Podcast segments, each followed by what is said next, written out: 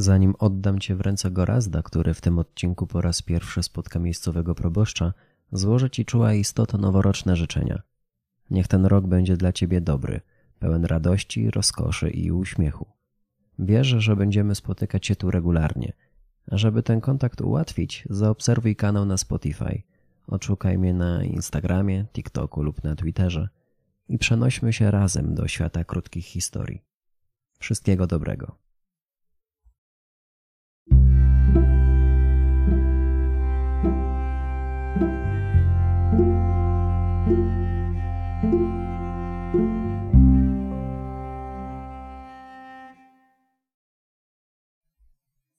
Swoim wędrownym plecaku nosił także niewielką drewnianą szkatułkę, na której wyryto wzory przypominające swym kształtem góry, rośliny i leśną zwierzynę.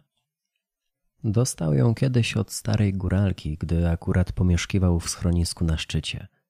Kobieta była gospodynią i każdy, kto u niej spał, jadł i chronił się przed ciemnością górskiej nocy, przy wyjeździe otrzymywał drobny podarunek.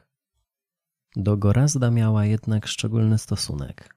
Przysiadała się do niego przy stole, wpatrywała w oczy z czułością i tym rodzajem smutku, który pojawia się tylko, gdy napotyka na swe odbicie. Przychodziła do niego w nocy, o czym doskonale wiedział i na co jej pozwalał, lecz mimo wszystko udawał, że śpi. Pochylała się nad nim i gładziła jego włosy. Starymi, zimnymi i wysuszonymi palcami przesuwała po czole, policzkach, na dłużej zatrzymywała się na ustach.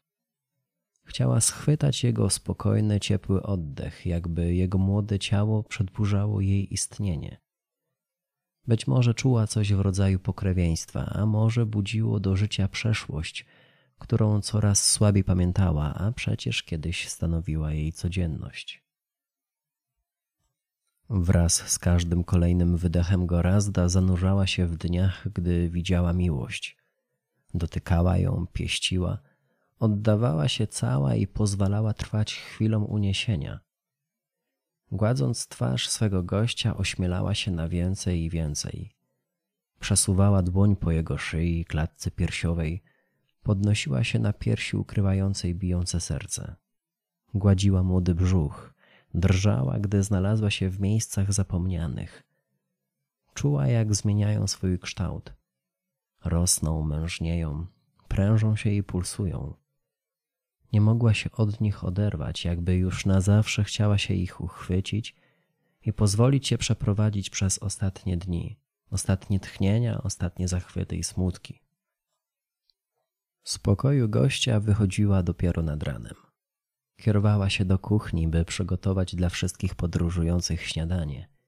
Jajecznicę z pajdą chleba, szarlotkę, czarną kawę i ziółka. Nie wiedziała, czy to, co przeżywała w nocy, to był sen, czy rzeczywiście widziała swą młodość, bo granica rozumienia zacierała się już coraz mocniej. Do Gorazda odezwała się dopiero przy jego wyjeździe. Złapała za rękę, gdy stał w drzwiach. W drugą wcisnęła mu drewnianą, ozdobną szkatułkę. Masz, nie noś tego w zwykłym worku. Puściła rękę młodego mężczyzny, spojrzała na niego ostatni raz, powolnym ruchem odwróciła się i krok po kroku wróciła wtedy do swego czekania na ten najdłuższy ze snów. Gdy Gorast przekroczył próg domu przy lesie i postawił plecak na podłodze, pierwsze co zrobił to wyciągnął szkatułkę i położył ją na krzywym jeszcze stole. Zrozumiał słowa starej góralki zaraz po opuszczeniu schroniska. Przesypał wtedy coś, co wyglądało jak czarny piach lub drobno zmielony pieprz z bawełnianego worka do podarowanej skrytki i nosił ją ze sobą wszędzie. Dopiero w domu przy lesie szkatułka mogła stanąć w jednym miejscu, ale nie minęła jeszcze pierwsza wiosna osiedlenia, a drewniana skrzynka pożegnała się ze swą piaszczystą zawartością. Rozsypał ją po całym ogrodzie. Kilka ziarenek złączyło się jednak z ziołami, a te, które opadły w innych miejscach, ostrożnie przenieśliśmy w stronę niewielkich łodyg tuż przy płocie. Wędrowiec zdecydował się na taki czyn toczony rozrywającym się bólem. Niemożliwym do opanowania. Krzyk Gorazda niósł się wtedy po całej wsi, a nocy tej nikt z mieszkańców już nie zasnął. Był już dawno po śniadaniu i sprzątaniu domu. Tego dnia zrezygnował z porannej kąpieli, bo choć zazwyczaj nie szczędził wody na zmywanie z siebie brudu nocy, to miał do wykonania pracę, podczas której zdąży się mocno spocić, umorusać i zmęczyć, więc wylegiwanie w wannie okaże się jeszcze niezbędne wraz z przemijaniem niedzieli. Już sam fakt, że postanowił w Dzień Pański pracować w pocie czoła, jest wystarczającym pretekstem do późniejszego spłukania z siebie tej przewiny, ale i złości mieszkańców na takie świętokradztwo. Niespłukana cudza złość zostawia na skórze trwałe ślady, dostrzegalne nawet niezbyt czujnym okiem. Przemienia się w krosty, które pozbawione reakcji zaczynają z czasem się rozrastać. Czarne plamy pędzą po ciele, nie oszczędzając żadnej jego części, żadnego zakamarka, aż w końcu ciało znika. Staje się jedną wielką przestrzenią. Zostaje wymazane z pamięci i życia – chyba że ciało zakrywane cudzą złością otrząśnie się i zrzuci ją z siebie zawczasu. Gorast w tym celu brał jednak częste kąpiele, bo krople wody posilały go niczym chłodna rosa trawę i polne kwiaty. Dopił czarną kawę z mosiężnego kubka. Zacisnął mocniej pas utrzymujący na jego coraz smuklejszym ciele spodnie i wyszedł na ganek. Ostatnie dni były dość ciepłe, więc zdziwił go dzisiejszy chłód. Z zadowoleniem jednak przyjął gęste chmury na niebie, bo przyniosły oczom wytchnienie od słońca i jego rażącej jasności. Trącił lekko warkocz czosnku zawieszony na gwoździu wbitym w jeden ze słupów podtrzymujących daszek zakrywający ten pierwszy punkt domu, z którego gospodarz witał się z okolicą. Patrzył na rozbujany sznur łączący kilka małych główek, jak huśtają się to w jedną, to w drugą stronę zupełnie bezwładnie. Nie mają nic do powiedzenia. Oddały się ruchowi liny i posłusznie chyboczą miotane siłą obcą, zazwyczaj wiatrem, a dziś dotykiem człowieka. Gorast zapragnął stać się taką służebną główką, związaną mocnym sznurem, gotową chwiacie na wezwanie zewnętrznej energii, wolną od myśli, poczucia czasu i powinności. Podążał tak za tym warkoczem do samego końca. Zaczekał, aż ruch opuści rzecz i chwilę. Po drabinie wspiął się na dach, wiedząc, że załatanie wszystkich dziur to praca na kilka tygodni. Więc im szybciej rozpocznie, tym lepiej. Szybko dotarło do niego, że jest to zadanie przerastające jego możliwości, bo choć wielu rzeczy się nauczył, to jednak przekrycie domu słomą wymagało sprawności strzecharza, którym nigdy nie był. Nigdy nawet nie brał udziału w takich pracach, więc przełykał właśnie swoją bezradność. Tymczasem okolica widziana z wysokości dachu wydała mu się ciekawsza, inna, może nawet w jakimś stopniu bliższa. Obserwował niedzielne powroty z kościoła. Odprowadzał całe rodziny do ich domów, patrzył na rozbiegane i hałasujące dzieci ignorowane przez starszych potomków, skupionych na wyprawieniu sytego, uświęconego obiadu. Przyglądał się psom obwąchującym wszystkie skalniaki, grządki warzywne i rozkwitające piękną, kojącą zielenią drzewa. Unosił głowę – Przymykał oczy i pozwalał swemu węchowi wychwytywać niewidzialne dla ludzkiego oka ścieżki majowej woni. Przylatywał do niego zapach życia. Swój powietrzny taniec prowadziły bzy, zioła i cały las. Po łąkach oraz polach coraz śmielej kręciła się zwierzyna, ale przy zamkniętych oczach Gorast najlepiej czuł zapach ciała, w którym niegdyś mieszkała dusza towarzyszka. Czuł ciepło policzków, czoła, dłoni. Chłonął ten zapach, bo nic wcześniej i nic później nie pachniało dla niego piękniej. Widział teraz przed sobą wspólne wędrówki i postoje, poranki, te leniwe spędzone w łóżku z książkami bądź w cichej bliskości ciał, ale i te pełne energii mijające na górskich szlakach lub pieszych wycieczkach. Nauczył się tego zapachu. Uczynił go nieodłączną częścią dnia i nocy. Czuł się za niego odpowiedzialny. Z niego też brał siłę życia i śnienia. Do szykowania pokarmów, wybierania nowych tras, zapisywania w pamięci ujrzanych widoków. Każdą chwilę, podczas której teraz ten zapach powracał, Gorast celebrował z zamkniętymi oczami, bo w tym świecie, w tym pochowanym w nim, w jego głowie i wnętrznościach było skryte całe jego przeznaczenie. Czytał kiedyś w jednej książce o człowieku, który narodził się po to, by wypełnić czas drugiego człowieka, uczynić jego dni ciekawszymi, pełnymi pasji, przygód, ale też bezpieczeństwa. Wszystko, przez co ten człowiek przeszedł w młodości, książki, które przeczytał, noce, których nie przespał, dołki, w jakie wpadał i z trudem wychodził, wszystko to było przygotowaniem na spotkanie sobie przeznaczonej duszy.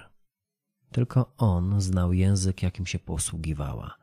Sprawnie odczytywał jej spojrzenia, grymasy, drobne gesty i urwane w połowie zdania. Wiedział, gdzie dotknąć i gdzie ją poprowadzić, by ją rozweselić i uspokoić. Gdy skończył się czas jej przebywania na ziemi, skończył się też czas dla tego człowieka i skończyło się wydarzenie. Nic już nie mogło się dziać. Ruch się zatrzymał, minęła przydatność tego człowieka. Nie mógł jednak pogodzić się z losem i wyruszył szukać duszy, która całkiem zawładnęła jego życiem. Przeszedł ziemię cztery razy wzdłuż i wszerz. Stopy zrzuciły skórę, lecz pokryły się silniejszą korą, odporną na ból, zadrapania i cierpienie. Mijały lata, ale duszy nie odnalazł. Zmienił się jednak w jabłoń, która co roku wypuszczała z siebie owoce zdrowsze, tryskające obfitszymi i słodszymi sokami. Gorast ocknął się, gdy doleciało do niego szczekanie sfory psów w pobliżu jego płotu. Spojrzał w dół i zobaczył kroczącego w ich towarzystwie księdza. Był to człowiek stary. Siwizna pokryła wszystkie jego rzadkie, słabe włosy. Jedyne, co zostało z młodości, to ich długość, bo nie mieściły się pod proboszczowskim biretem i opadały na kark plebana. W prawej ręce trzymał brewiarz, bo tak jak Gorast nie rozstawał się podczas swych wędrówek z drewnianą szkatułką, tak i miejscowy proboszcz zawsze miał przy sobie osobistą księgę. Szczęść Boże, niech pan się na tym dachu przypadkiem nie zasiedzi. By się przywitać, pleban musiał wysoko unieść głowę. Mimo tego i tak nie mógł dojrzeć twarzy Gorazda, bo oczy już mu nie służyły tak dobrze jak przed laty. Mrużył powieki, robił nad nimi daszek ręką, skupiał całą swoją uwagę, ale wciąż na niewiele się to zdawało. W tych okolicach mówi się, że tylko lerka może przesiadywać na dachach całymi dniami, a jak ktoś wejdzie jej w drogę, to tak długo kręci się przed intruzem, aż odbiera mu rozum i mąci zmysły. Ot powiastka. Zdawało mi się, że księżom nie wolno wierzyć w takie historyjki.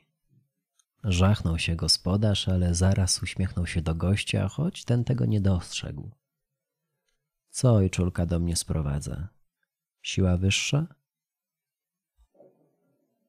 Aj, tam od razu siła wyższa. Ciekawość zwykła. Ciekawość nowego człowieka. Wie pan, tutaj trudno pozostać niezauważonym, bo tu każdy z każdym razem pole sieje. Tom przyszedł przywitać się i poznać bliżej, ale ciężko tak do nieba gadać, gdy lata już nie te. Musiał się Gorast mocno ugryźć w język, by nie wykorzystać wystawionego przez kaznodzieje policzka. Gdzieś rozeszły się jego drogi z wiarą i apostołami, ale nie znajdował w sobie zaciekłości do wszczynania bitew. Potyczki słowne są dobre dla młodzieńców, co jeszcze niezbyt mocno zdarli sobie nogi podczas wędrówek, ale nie brak im za to zuchwałych osądów, pełnych pasji i zapamiętania i całkowitej ufności w słuszność swych prawd. Wraz z wiekiem może przyjść jednak refleksja, że nie warto zatracać się w takich dyskusjach, bo gdzieś obok płynie woda w rzece, której już więcej się nie poczuje i nie zobaczy, ponieważ po niej nadpłynie inna, nowsza cząstka wody. Więcej sensu będzie w obserwacji tej chwili niż batalii na słowa i łechtanie swej dumy. Zszedł z dachu, by uścisnąć dłoń proboszcza, co musiało zaskoczyć przybysza, bowiem nie zdołał ukryć zdumienia na twarzy. Gdy silna dłoń gospodarza objęła jego delikatną, starą rękę, uniósł brwi, jakby po raz pierwszy w życiu ktoś odważył się stanąć koło niego jak równy z równym. Okoliczni mieszkańcy traktowali księdza niczym świętego. Bliżej im było do pokłonów, całowania butów i ręki, niż do wpatrywania się w niego z tej samej wysokości oczu. Pleban zazwyczaj podnosił ich z ziemi, starał się wykazywać skromnością i umiarkowaniem, ale jednak w środku brzucha odczuwał miłe łechtanie wnętrzności, że to on jest tym dobrym, tym świętym, w którego wpatrują się inni, jego bracia mniejsi, jego lud. Dlatego nie spodziewał się, że w miejscu, w którym spędził większość swojego życia na probostwie, spotka mężczyznę odpornego na jego czar, na skromność, pokorę, a także dobro wypisane na rozmodlonej twarzy. Czując siłę, z jaką nowy gospodarz domu pod lasem ściskał jego rękę, poczuł dreszcz na karku. Dreszcz ten przeleciał w dół, przez plecy, aż do stóp, budząc w księdzu uczucie trudne do zrozumienia na etapie życia, w jakim się znajdował. Gorast zaprosił księdza do środka. Gdy staruszek przechodził koło niego na werandzie, przyjrzał się uważnie jego pomarszczonej twarzy. Skóra zdawała się opadać, jakby pozrywały się wszystkie linki, na których była do tej pory zawieszona. Wygląd gościa od razu budził skojarzenia nieuchronnego końca. W dodatku takiego przyspieszonego wewnętrzną troską, pojawiającą się od czasu do czasu bez wyraźnej przyczyny. Od początku tego spotkania zarówno zapoznawczą ciszę, jak i grzecznościową rozmowę przerywał kaszel duchownego.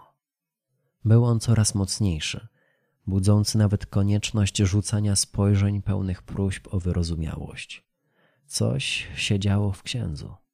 Nie wiedział, co to było, ale panoszyło się po jego wnętrznościach, kładło na żołądku, wywołując uczucie ciężkości, niepokoju, jakiegoś nagłego lęku. Skakało po płucach, utrudniając oddychanie. Przybierało wtedy postać flegmy niemożliwej do oderwania, jakby zszyło się z organem na amen. Gorast znał ten kaszel i domyślał się, z czego wynika, ale uprzejmie milczał, gdy duchowny zasłaniał zaciśniętą dłonią usta, by nie przerzucić na zewnątrz czegoś, co należało tylko do niego i z czym wyłącznie on powinien się zmagać. Usiedli przy stole w kuchni. Gospodarz postawił pomiędzy nimi dwa kubki z czarną herbatą i talerz, na którym leżały kruche ciasteczka żołędziowe z nasionami pokrzywy. Zaskoczyło go przyjemne uczucie współdzielenia posiłku z drugim człowiekiem, bo choć dawniej było to częstym zwyczajem, to od wielu miesięcy jadał sam, w milczeniu, w stanie całkowitej obojętności, pozbawiony radości z łechtania podniebienia i brzucha. Taki był jednak jego wybór. Samotne spożywanie pokarmu pozwalało mu pogrążać się w utraconym życiu. Czasami zdawało się, że wspomnienia przybierają konkretną, realną formę. Widział wtedy obok siebie swoją duszę towarzyszkę, która z czułością pochylała się nad miską wypełnioną tym samym jedzeniem. Śmiała się cała, a najmocniej śmiały się jej oczy, wilgotne od radości i emocji uwalnianych przez stół, pokarm, towarzystwo, tę jedną zatrzymaną w pośpiechu umykającą chwilę. Wpatrywał się w nią siedząc przygarbiony, ale roześmiany. Po twarzy spływały mu łzy, które uderzały o talerz i okruszki na nim pozostawione. Zmiękczały je, zmieniały ich kształt, czyniły niezdatnymi do wykorzystania. Gorast cierpiał. Ale znosił to cierpienie w ciszy, w pokorze wynikającej ze zrozumienia istoty istnienia. Pierwszy odezwał się ksiądz. Przedstawił się jako Celestyn. Nie pamiętał już innego życia niż na probostwie. W jego przypadku nie istniało żadne wtedy czy przedtem. Nie mógł podzielić swoich dni na etapy, ponieważ tak mocno zapuścił swoje korzenie w tej wsi, że każdy jego ruch zespolił się z losami tutejszych. Nie był nigdy chłopcem, młodym mężczyzną szukającym swojego miejsca, czyimś synem, wnukiem albo bratem. W jego pamięci istniało już tylko probostwo. Mało kto nawet zwracał się do niego po imieniu. Najczęściej słyszał tylko proszę księdza lub ojcze, a tak naprawdę niczyim ojcem się nie czuł, ale do tego się jeszcze przed nikim nie przyznał. Na pewno też nie zrobi tego przed nowo poznanym przybyszem, który go intryguje, wprowadza świeżość i popycha młynek okolicznych wydarzeń z siłą przypisaną tylko do nowości. Dopytywał go Razda skąd przyszedł, czym się zajmował, jak żył. Chciał wiedzieć, kim jest ten milczący mężczyzna, który poza szczęść Boże, rzuconym trochę prześmiewczo, trochę na odczepne, nie zamienił z nikim jeszcze ani jednego słowa. Celestyn myślał o nim wieczorami, gdy odmawiał brewiarz lub czytał książkę. Gasił świecę i przykrywał siebie całego ciężką kołdrą, by ukryć przed okoliczną ciemnością nocy. Pod zamkniętymi powiekami widział człowieka, któremu przyglądał się ukradkiem podczas jego porządków i generalnego remontu starego domu Maciejewskich. Dostrzegał w nim tę cichą, pokorną mądrość wynikającą z wielkiej tajemnicy zakrytej przed oczami innych. Ten przybysz, co nadszedł znikąd, nie narzucał się, nie szukał towarzystwa, nie próbował wkupić się w łaski miejscowych, Zignorował nawet plebanie i kościół, co już zdumiało Celestyna, ale czytał w listach od kolegi z miasta, że takie rzeczy się zdarzają, że coraz częściej można spotkać człowieka ślepego na ścieżki prowadzące do świątyni. Może ten ciekawy człowiek jest jednym z nich. Dlatego tej niedzieli postanowił zajrzeć do niego, poznać bliżej, wyczytać coś z jego zachowania i zaspokoić swoją grzeszną ciekawość. Gorast musiał przyznać się do drobnej przyjemności, jaką odczuwał podczas wizyty księdza. Celestyn nie przypominał bowiem księży, których spotykał wcześniej podczas swoich wędrówek. Z jego twarzy nie biła pustka czy próżność, nie dostrzegł też objawów głupoty. Siedział przed nim staruszek życzliwy, pogodny, dobrze nastawiony do świata. Może nawet trochę naiwny, ale tej naiwności, tej dziecięcej ufności mógł mu trochę zazdrościć. Wolał jednak porzucić złudzenia, bo wiedział, że prędzej czy później przynoszą one niemożliwy do opanowania smutek i błądzenie po omacku. Przeprosił gościa i wyszedł na chwilę z kuchni, a kiedy wrócił, w jego rękach błysnęło światło odbite od niewielkiej butelki czerwonego wina. Dobre. Musiało długo leżeć w spiżarni.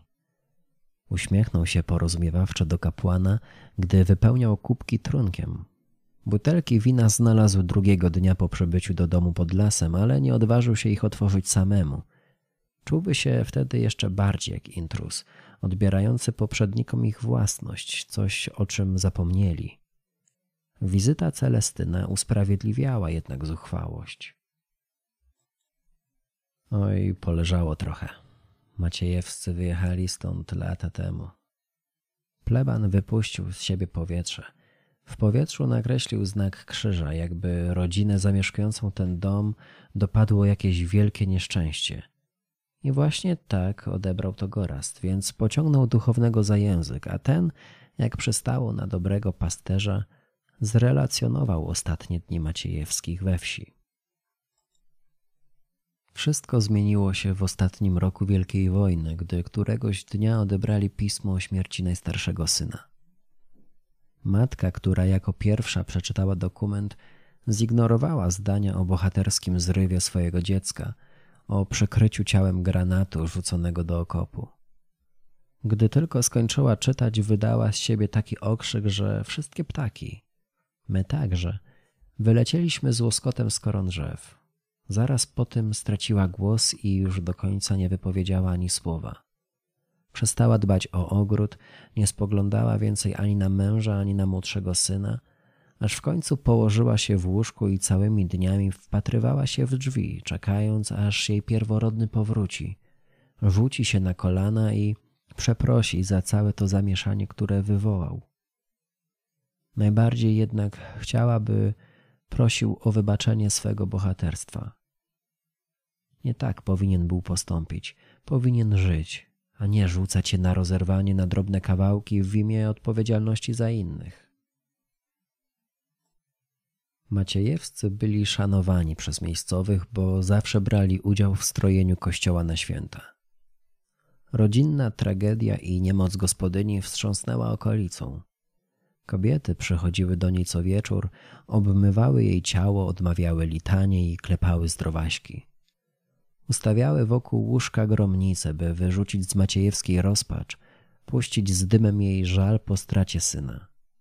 Płakały nad jej losem, jakby to one otrzymały wieści o śmierci swych dzieci. Któregoś wieczoru nie wytrzymał jednak Maciejewski. Wyrzucił kobiety z domu, wykrzyczał w ich stronę zupełnie niezrozumiałe obelgi, a na koniec podniósł żonę z łóżka i wyniósł ją na werandę, by później zamknąć przed nią drzwi. I tak jak była ubrana, tak wstała i odeszła. Opuściła rodzinny dom, nie pożegnała się z nikim, całkowicie przepadła. Nikt zresztą też jej specjalnie nie szukał. Wraz z nadejściem wiosny wyniósł się także Maciejewski z najmłodszym synem. Ponoć mieli wyjechać do Nowego Świata, ale krążyły też pogłoski, że zamarzli w jakimś lesie, gdy niespodziewanie napotkał ich majowy mróz. Nasi rozmówcy nie zorientowali się, gdy nadszedł zmierzch, a słońce skryło się za widnokręgiem. Dobrze im było tego popołudnia. Gdy się żegnali, na twarzy jednego i drugiego pojawił się delikatny, życzliwy uśmiech.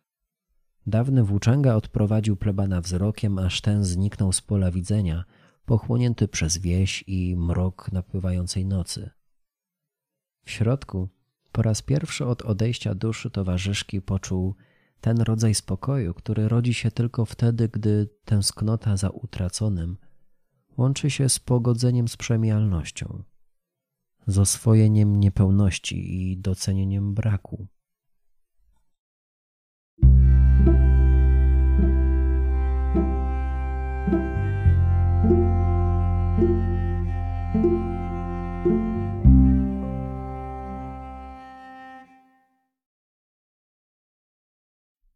Dziękuję za Twoje zaangażowanie. Jestem wdzięczny za każde miłe słowo, które od Ciebie otrzymuję. Do usłyszenia w następną niedzielę.